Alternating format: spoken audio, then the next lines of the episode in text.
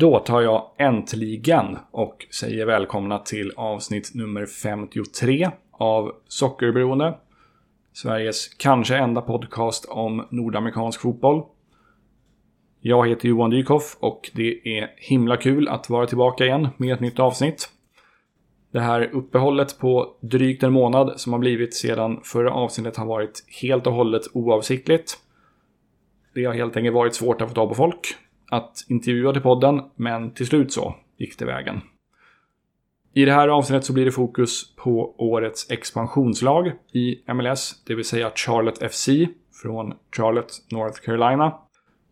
Jag har haft nöjet att intervjua Matt Swift som är kommunikationsansvarig i Charlotte FC supporterklubben Mint City Collective. Därutöver så driver han supporterklubbens podcast Mint City Soccer Show tillsammans med den nuvarande Mint City Collective-presidenten David Gussler.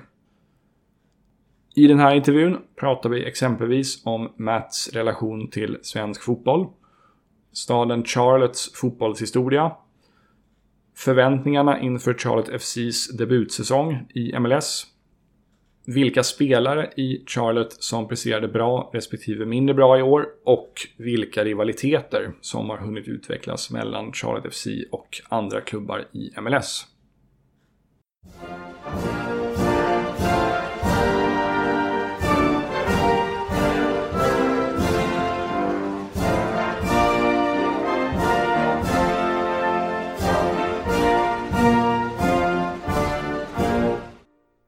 To start off, so this interview will obviously obviously primarily be about Charlotte FC, but since this is a soccer podcast based in Sweden, I would like to ask you what comes to mind when you hear the words Swedish soccer.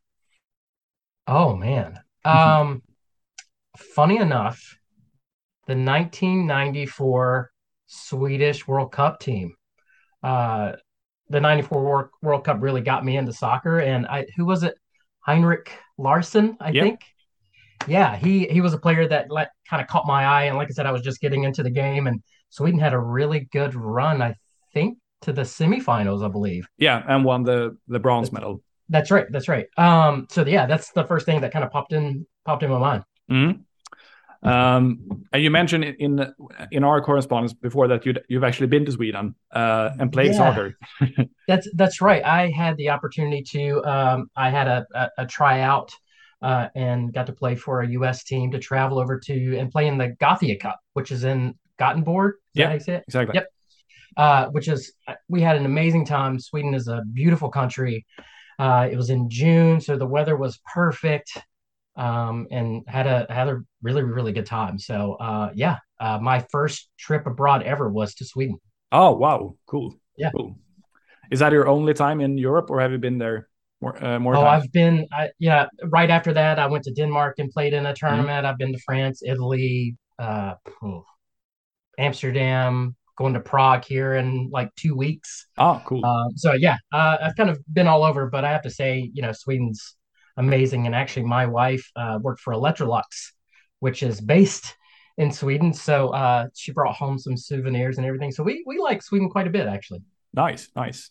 I was trying to think about like connections between Charlotte FC and Swedish soccer. There are there aren't that many, but one that came to mind is that a previous guest on this podcast, uh, a Swedish player by the name Jacob Sten, uh, his name Jacob Stensson. Uh, he played college soccer at the University of Denver, and he was teammates with Andre Shinyashiki. Oh, very nice, yeah. And uh, had very positive things to say about him. Uh, and another one is that um, Karol Swiderski, his his uh, former Greek club, they had loaned out a striker to Malmö, which is one of the major clubs in Sweden. Yeah. And when Swiderski was signed by Charlotte, this Greek club had to bring back the striker from Malmö. Otherwise, ah, I, I, think I think Malmö would have been interested in signing him because he was he was actually really good. But there haven't been yeah. any Swedish or Scandinavian players in Charlotte so far so far, but you never know. We're no? very young, so there's there's a chance. yeah, and it's it's become pretty common for MLS clubs to sign Scandinavian players, so I, I wouldn't rule it out. Yeah. Um, moving on, I would like the listeners to get to know you a little bit more. Um, may I ask you how old you are and where you were born and raised? Yeah, so I am 42. uh, and I was born right outside of Charlotte, uh, mm-hmm. a, a, town called Kannapolis, um, and grew up there. I, I, moved to Albemarle when I went to high school, which is you know maybe you know 35, 40 minutes from Charlotte. So kind of grew up and uh, went to school uh, two hours from Charlotte. So always been around here.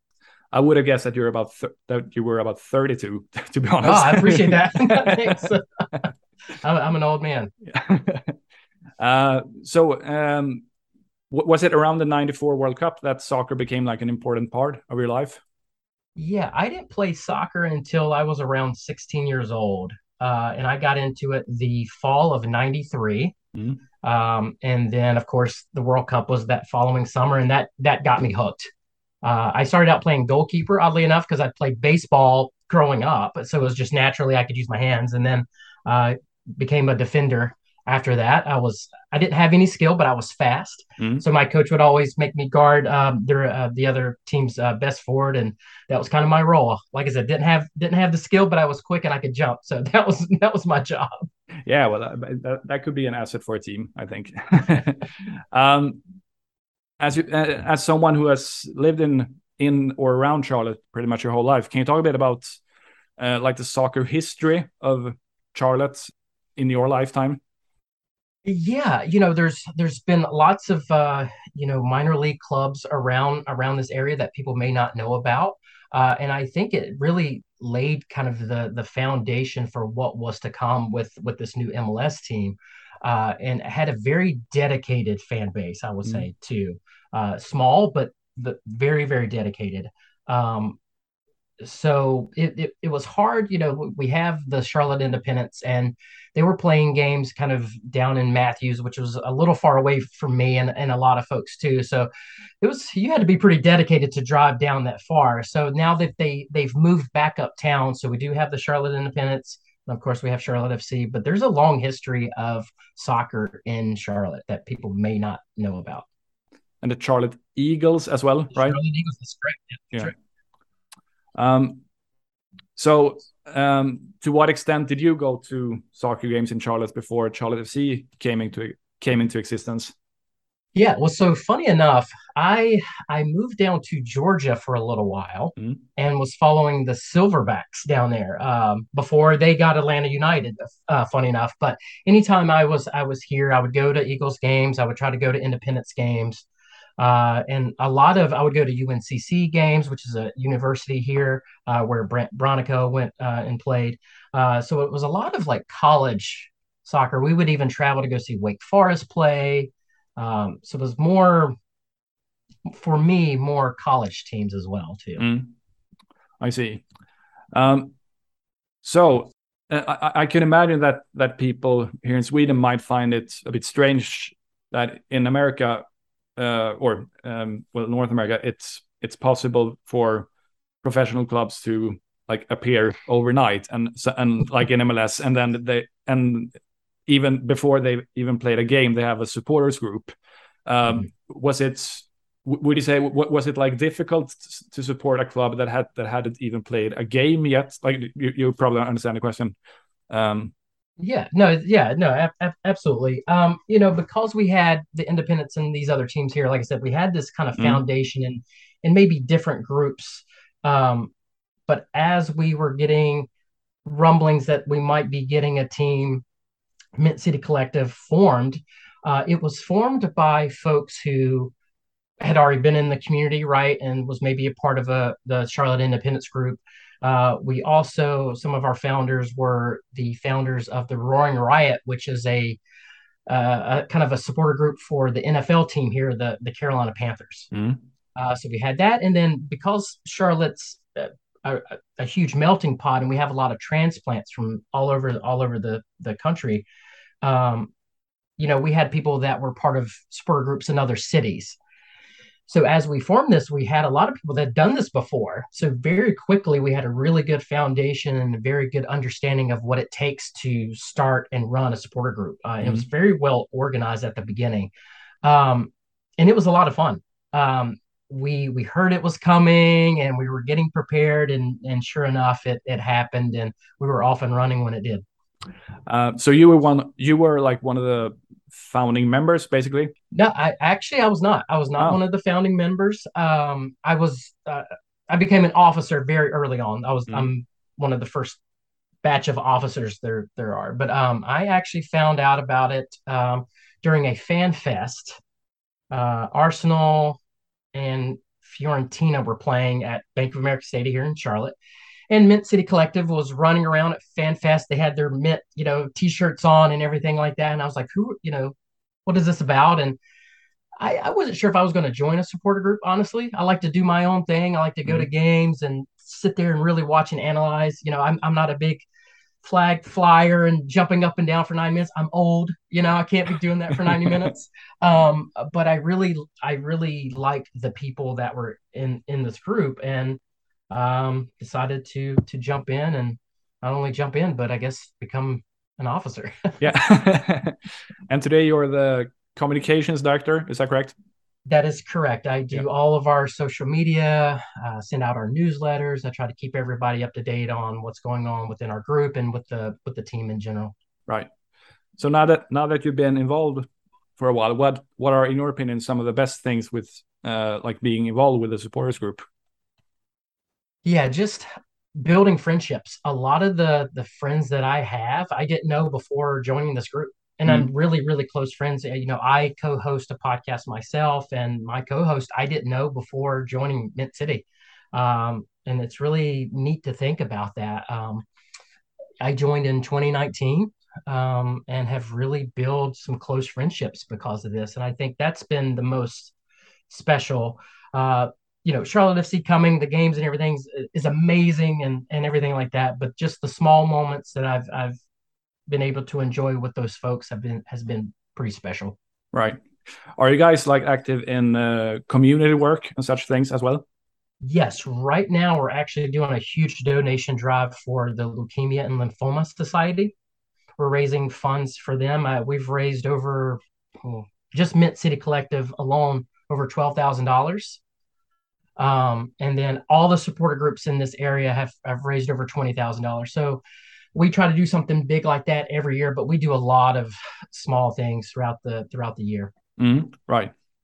Uh, to what extent do you consider to be like um, uh, mission of yours to like spread the word uh, about soccer itself as a sport? Because I, I, would imagine that soccer is perhaps not the biggest sport in Charlotte. Yeah, yeah. Very, very good point. What we try to do is, is we realize that not everybody's an expert.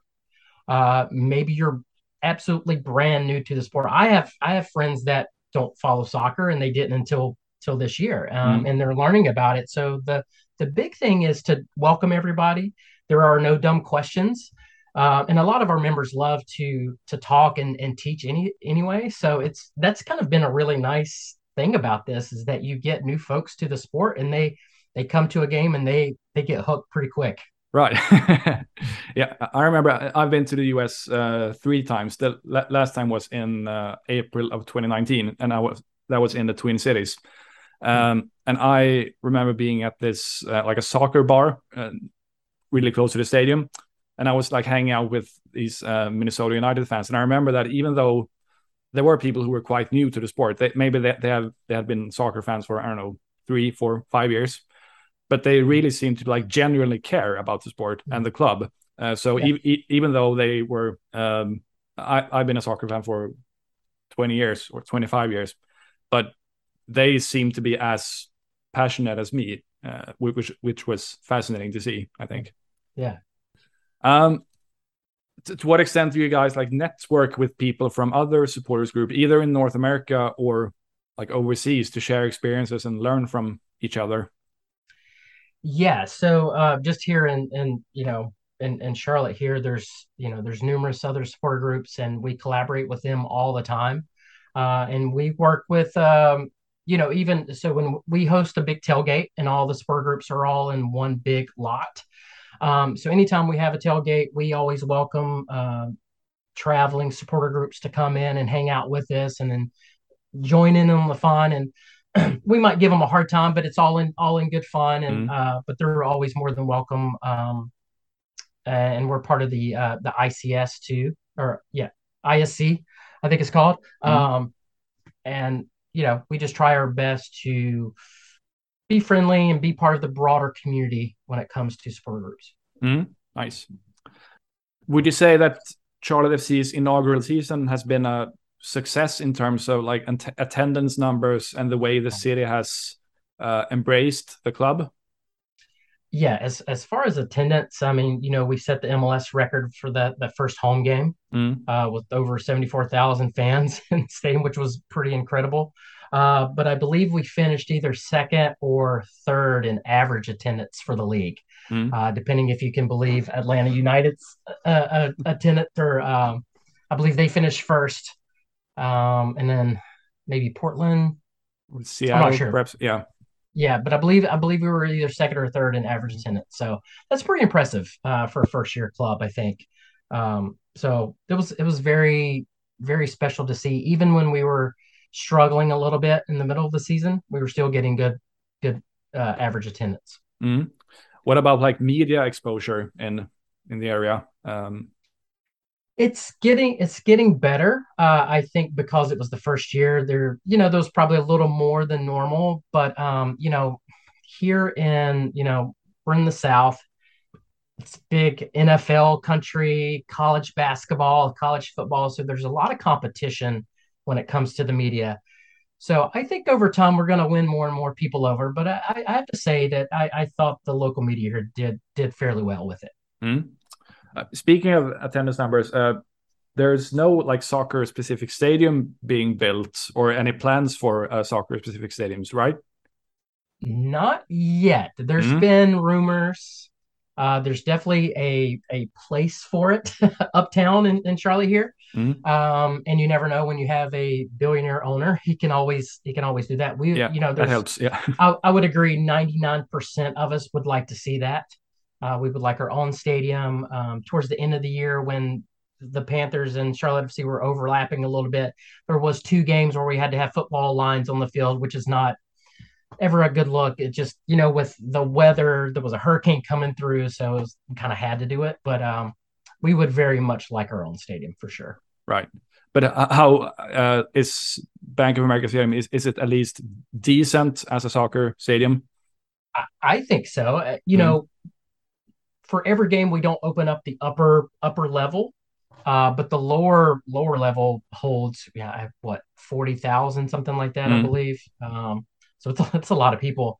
Um, but as far as a, a venue, it's it's an older stadium, but it's it's still very very nice.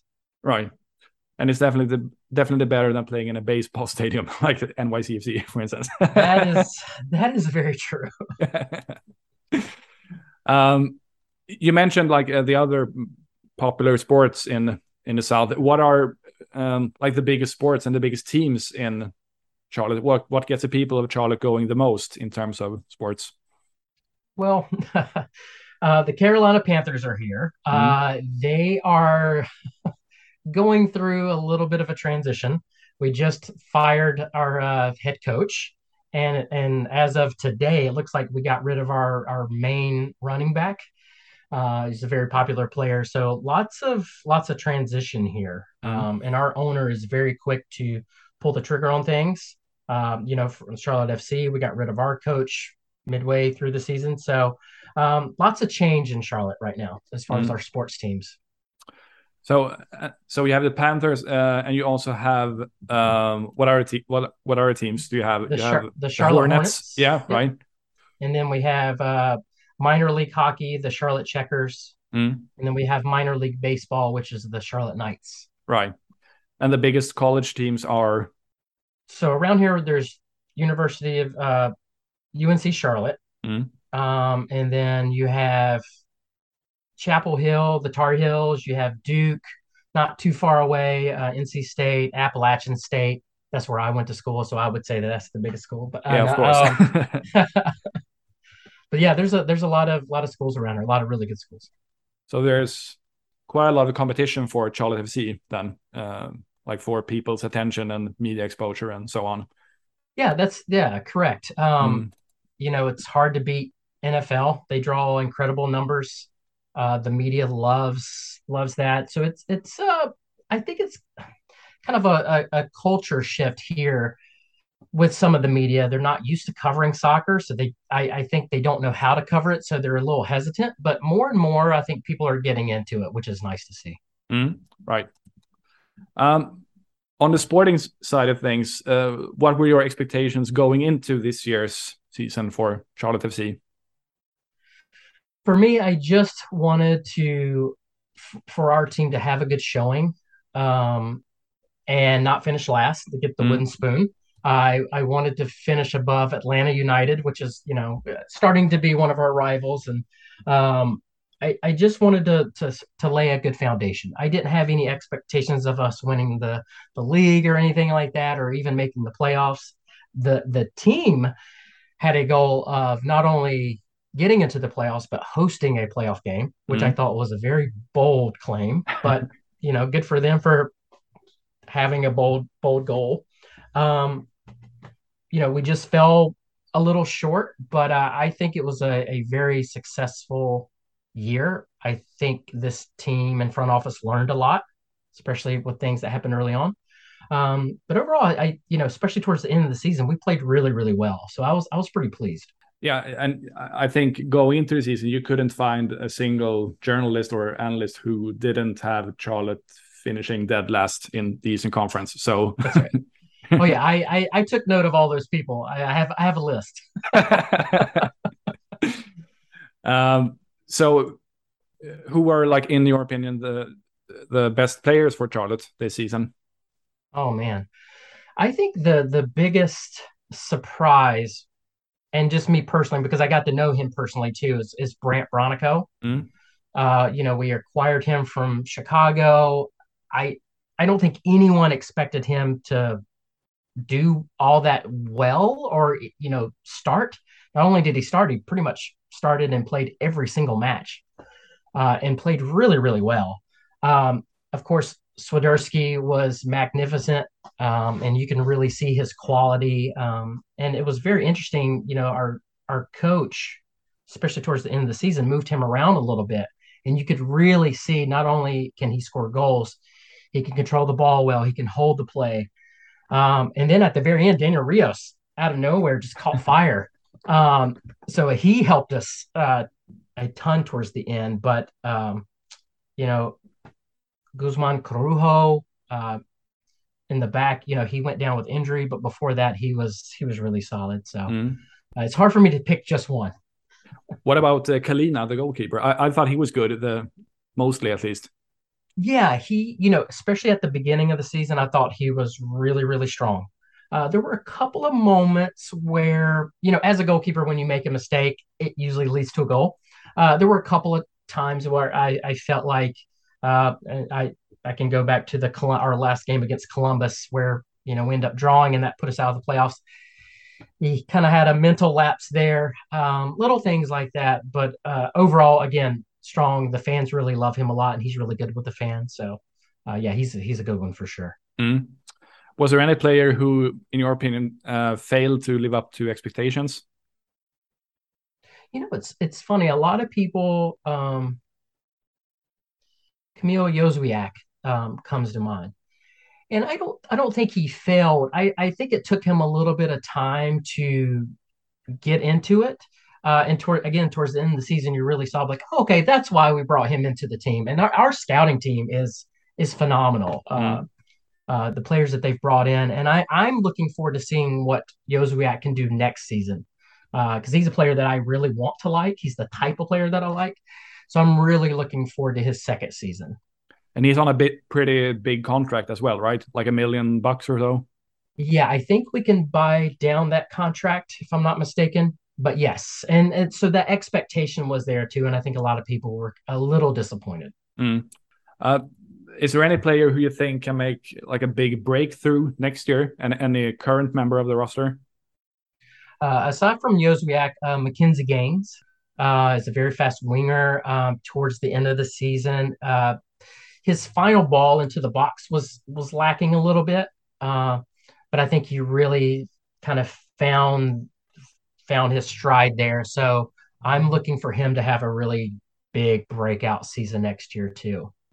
What about um, Malanda, the center back who was signed in the summer. Oh my gosh, what a what a pickup again! You know, going back to the scouting team, like Mhm. no one knew who Malanda was, and um, out of the three that we got in during that tra- that last transfer window, he was the one that were like, oh, okay, he'll be he'll be a signing for next year. You know, uh, Corujo was still in the lineup. All of a sudden, he goes down. Malanda steps in, and I've never seen uh, someone so young be so calm on the ball. Uh, and he was he was phenomenal. So what a what a great pickup. So you expect him to be a regular next season? So that's that's going to be the issue when Yeah. when Corujo comes back. I mean, I think I would like to see Corujo and Malanda, but Mm. you have Anton Walkes back there too that played really well. So it's going to be it's going to be interesting. It's going to it's good to have that competition. Right. Do you think, uh, speaking of defenders, do you think uh, Christian Fuchs will he be back next year? So that's a really good question too. Mm. So um, we didn't pick up his option, um, but that doesn't mean he's he's gone. Mm. Um, I could see him. You know, he's getting his coaching license, so maybe a player coach type of situation. You know, not a head coach, but maybe on the staff. You know, and his son plays here locally. Ah, Um, yeah, I believe he's a goalkeeper. He plays for the academy. So um, I'm hoping that he'll stick around. Um, I don't know if I would pick him as a starter for next year, but I would like to have him back for that leadership uh, Mm. quality that he has for sure. I see. I see. Um, you mentioned uh, Miguel Angel Ramirez before, um, and the firing of him, firing of him. Uh, how did you feel when uh, he was let go by Charlotte? Personally, I was okay with it. Um, I kind of questioned the signing at the beginning. Um, and then, you know, we had a rough go in the the preseason tournament.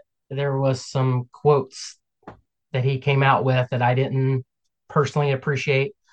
Um, and just some things you hear behind the scenes, some things that were happening. And uh, there were there were a lot of fans that loved him. Um, he was, you know, he was great and charismatic. But uh, as far as the coach and everything, I I I was okay when he when he left. I'll just say Mm. that. Do you expect uh, Christian Lattanzio to become uh, get the full time job as a head coach? That- That's what I'm hearing. Uh, Mhm. Nothing, you know, set in stone yet.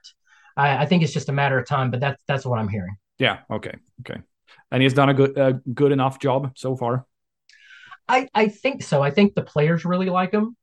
Um, I, I think, you know, again, he, you know, he was able to move Swiderski around and was getting the, the best out of him. You know, Daniel Rio steps in, he gets the best out of him. There were a couple of, uh, I guess, formation and lineups that I was kind of scratching my head about, but I, I think maybe it was just him trying to find his best 11. Mm. Um, so I'm, I'm willing to give him one more season to see. Um, and he's done some really great things. So again, I, I think I need to see uh, a full season and maybe get some more uh, more personnel in in this transfer win- window. Yeah, of course. Yeah. Uh, you mentioned Atlanta United before. Uh, would you say that they are uh, like the the fiercest rival of Charlotte FC, or are are there any others?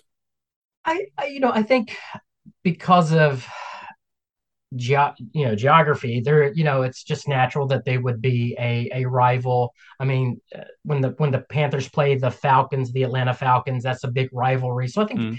naturally it's like that. And i think the mls they love rivals so they try to they've also tried to build that up. Um you know i i think about cincinnati because they like to claim that they're the they're the queen city. Uh Oh, there's yeah. only one queen city and that's us. Um so and and maybe maybe nashville Mhm. um but as you know as we as we grow our history i'm sure there'll be a club that we always butt heads with so i'm, I'm kind of looking forward to that to see who that's going to be How far is the drive between Charlotte and Atlanta? By the way, uh four hours four hours. So it's like it's doable in a day to go back and forth. yes Yeah. yeah Right. we actually uh when we played them away we got a big bus or actually two buses and Mhm. took a trip down there Ah, cool, cool. Um, as someone who, uh, like you, is supporting a very young MLS club and is still fairly new to MLS, to what extent have you made an, an effort to learn and understand like the roster rules and the different types of drafts and allocation money and and so on? so i i've been following mls since 96 oh, right, yeah, and I can tell you, I still have no idea the rules uh, when it comes to money. Uh, I feel like if you're a certain team, you might be able to get away with certain things that other teams can't. you know, I'm, I'm thinking about the LA teams and Miami. Um, but uh, it's funny, we, we do have a couple of members that, you know, that's they're really focused on that. They have their spreadsheets. And even then, they're like, wait a minute, I, I'm still not getting what's happening here. So it's uh, MLS rules are are interesting. I was speaking to this um, um, who was it now again? Yeah, it was uh, Joe Patrick who covers Atlanta United. Uh, he's a mm. podcaster and writer, and he uh, he told me that he, he has a he has uh, friends of his that follow other American sports like baseball and football and so on, uh, but also follow MLS, and they say that most American leagues have extremely complicated roster rules and so on, but MLS is on a is on a different level apparently it it really is uh, even when you think you you you know what's happening it, it's just it's it's truly bizarre so yeah. um i don't know why it's so complicated and i i, think uh, you remember the uh, when dom dwyer was traded to fc dallas and then instantly bought out that, that's probably the most mlsc moments ever i think it's yeah.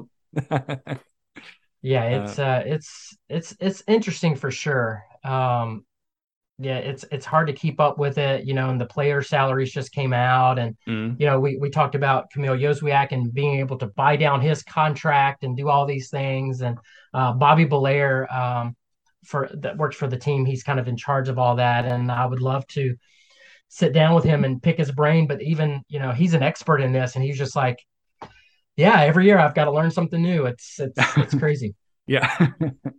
if I'm not mistaken, um uh, you know, uh, Tim Bezbatchenko, who is currently the president of the crew. Uh, mm-hmm. He was the GM at Toronto when they were at their best uh, five, six years ago. If I'm not mistaken, he used to work at like the MLS headquarters, and he he's basically the guy who invented invented all these rules. And then he became the, the GM for Toronto. So he he probably he, he knows all the ins and outs and exactly what what you're allowed to do and not. So maybe that's that's uh, one of the reasons they were so successful in like 2017. yeah, yeah, I, I, that's that's the person I would really love to talk talk to. tell me about these rules and how did you come up with them? and it's it's um, every now and then I get invited to like other um, like Swedish uh, soccer podcasts to talk about MLS, and they're not uh, into MLS at all. Uh, so they ask me questions like how how come Zlatan Ibrahimovic was wasn't a designated player his first year, and, and, for instance, and then I have have to tell well, uh, they already had three, but I can I would guess that he was guaranteed to become a designated player if if he would if he would stay another year and so on. And how come Gareth Bale isn't a designated player and yeah. so on. Uh, yeah, it's it it is complicated uh, to say the least. Mm. Um, looking ahead to next year's season, uh, would you say that there are any like obvious weaknesses in uh, the roster of Charlotte FC that needs to be addressed in the uh, transfer window? Yeah, I, I, believe we need a proper number ten. Mm. Uh, we we really do need a playmaker. Um, you know, we we kind of instead of Swiderski. Yeah, because I mean, ideally you would want him up front um, and someone feeding him the ball, but you know, we kind of had to flip that. You know, Swiderski was starting to be the playmaker, and Daniel Rios was, you know, again did a great job. Um, and we and we just picked up Daniel Rios's option, so I think mm-hmm. he's going to be part of the plans next season, unless something crazy happens this this this window. Um, but that's what I would start with: the middle of the field, a proper playmaker, because um, we got rid of uh, Titi Ortiz he was our number 10. That didn't really work out. Um, after that, I think we need to address our left back situation mm-hmm. uh, with with Christian Fuchs being, I think he'll be 36 or 37 next year. Um, you know, and playing on artificial turf, playing a long season, that that's a lot. And then, you know, we had Joseph Mora over there as well too. But um, I, I think we need to raise our level a little more and and go out and, and sign. Uh, I think we're okay on the on the right back side. We have we picked up Nathan Byrne. Mm. Um, I'd like to see someone maybe of that quality on the left. Uh, that we pick up in this next window. Okay. Do you see Byrne starting over uh, Jalen Lindsey? I do. Mm. Uh, just with the with the age and experience and the speed. Uh, you know, Jalen Lindsey, I, I, thought did a great job, uh, but I think he can learn a lot under uh, Nathan Byrne too. Um, and that way, you know, Byrne doesn't have to play every single game either. So, yeah, of course. Um, considering the fact that uh, you mentioned David David Tepper and the fact that he's a billionaire, and if I'm not mistaken, like the richest owner in MLS, um, if you don't, if if you exclude the two uh, New York teams, of course, uh, mm. who are owned by like multinational companies.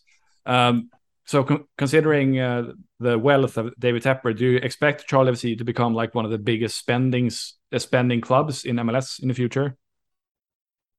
So that's a that's a question that kind of divides the fan base a little bit. Mm. Um, if you look at spending across MLS, um, that doesn't necessarily mean wins. I think you need to spend wisely, right? I, I'm all about spending money, and he has the money to do it. So you know, no one's gonna be like, "Oh, poor billionaire, haven't spent." You know, no one's gonna do that. Um, but I also don't want to just throw money out there just do it. I look at, at, at Atlanta United they spent way more money than we did, finished below us. I look at Toronto, same same thing. Mm. But then you look at Philadelphia, who's at the very bottom.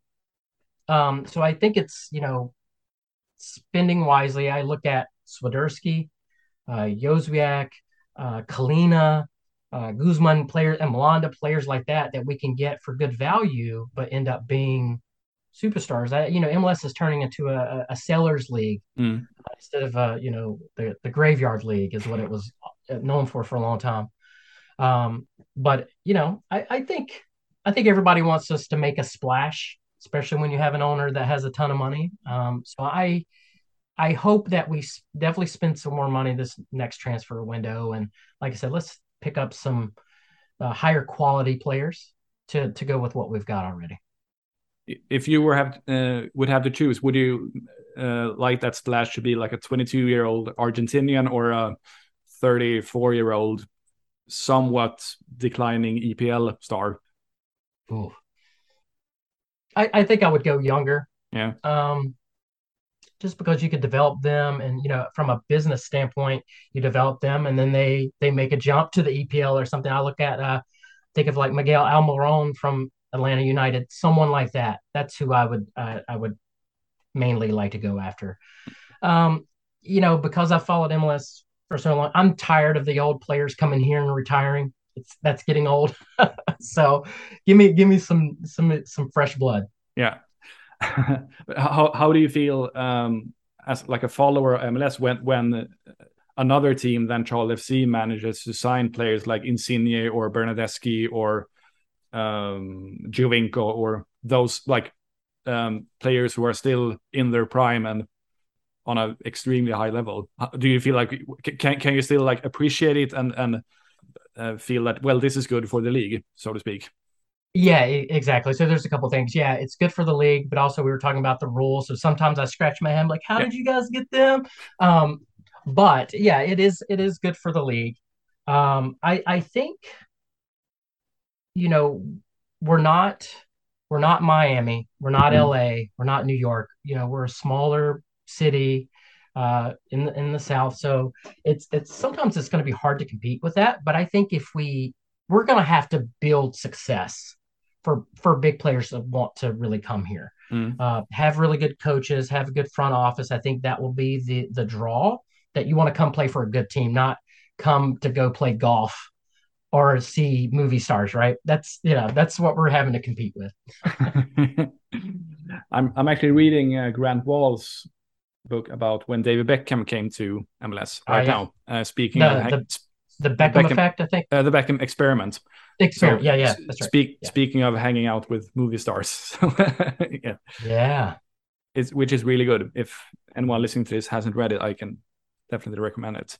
Um, by the way, speaking of other clubs in MLS, uh, do you to what extent do you follow like MLS in general? C can you uh, sit at home and, and, watch a game like I don't know the Whitecaps playing SKC, for instance?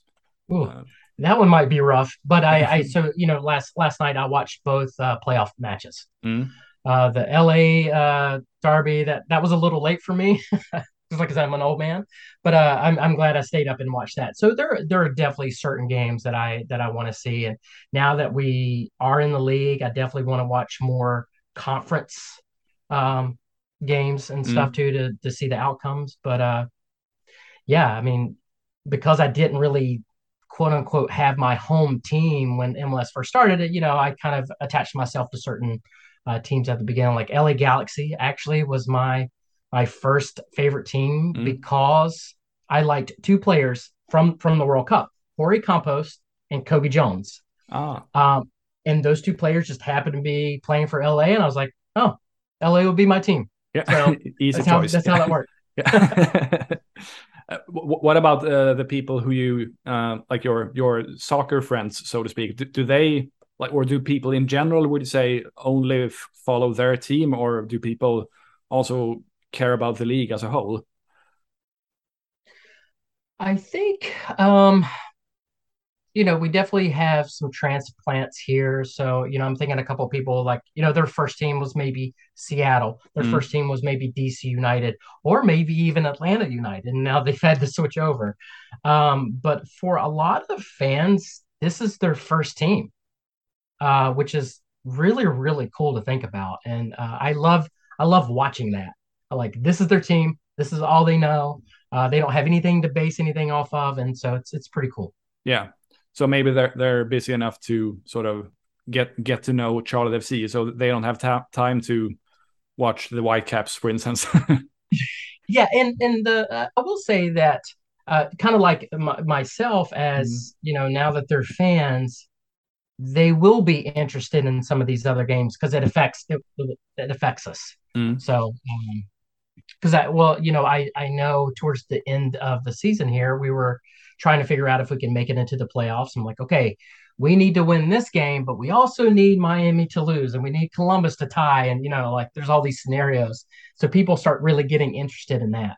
Right, right. Yeah. And that sort of automatically makes you look into other other teams yep. and who's in form and whatnot. So yep. um before we wrap things up, I would like to give you the opportunity to let, let the listeners know where they can keep themselves up to date with everything going on uh, around the Mint City Collective. And if there's anything else you would like to give a plug yeah. for, feel free to do so.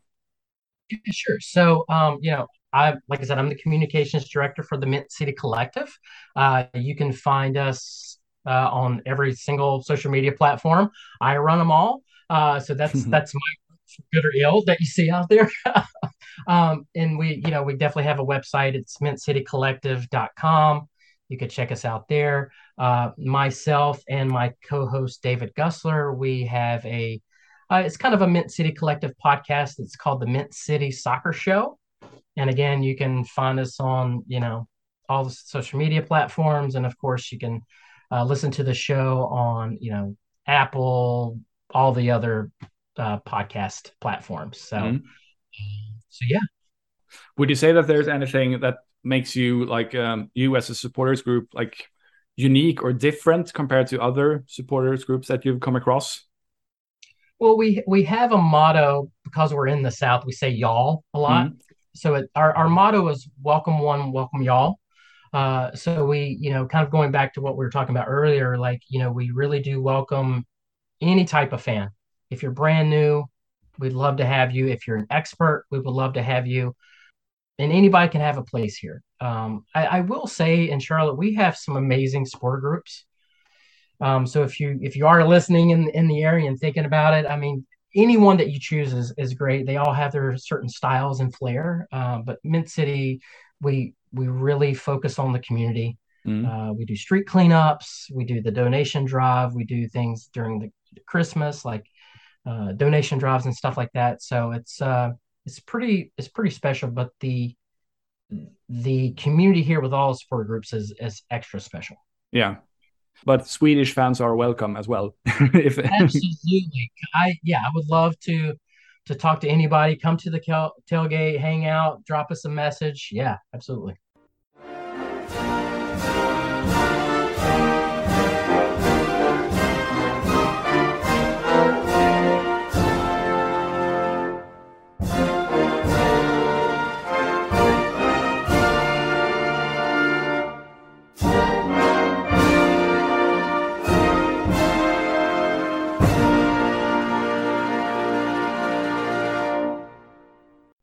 Sådär ja, då tar vi och tackar Matt Swift för att han tog sig tid att ställa upp på den här intervjun och vi önskar honom all lycka och medgång i framtiden.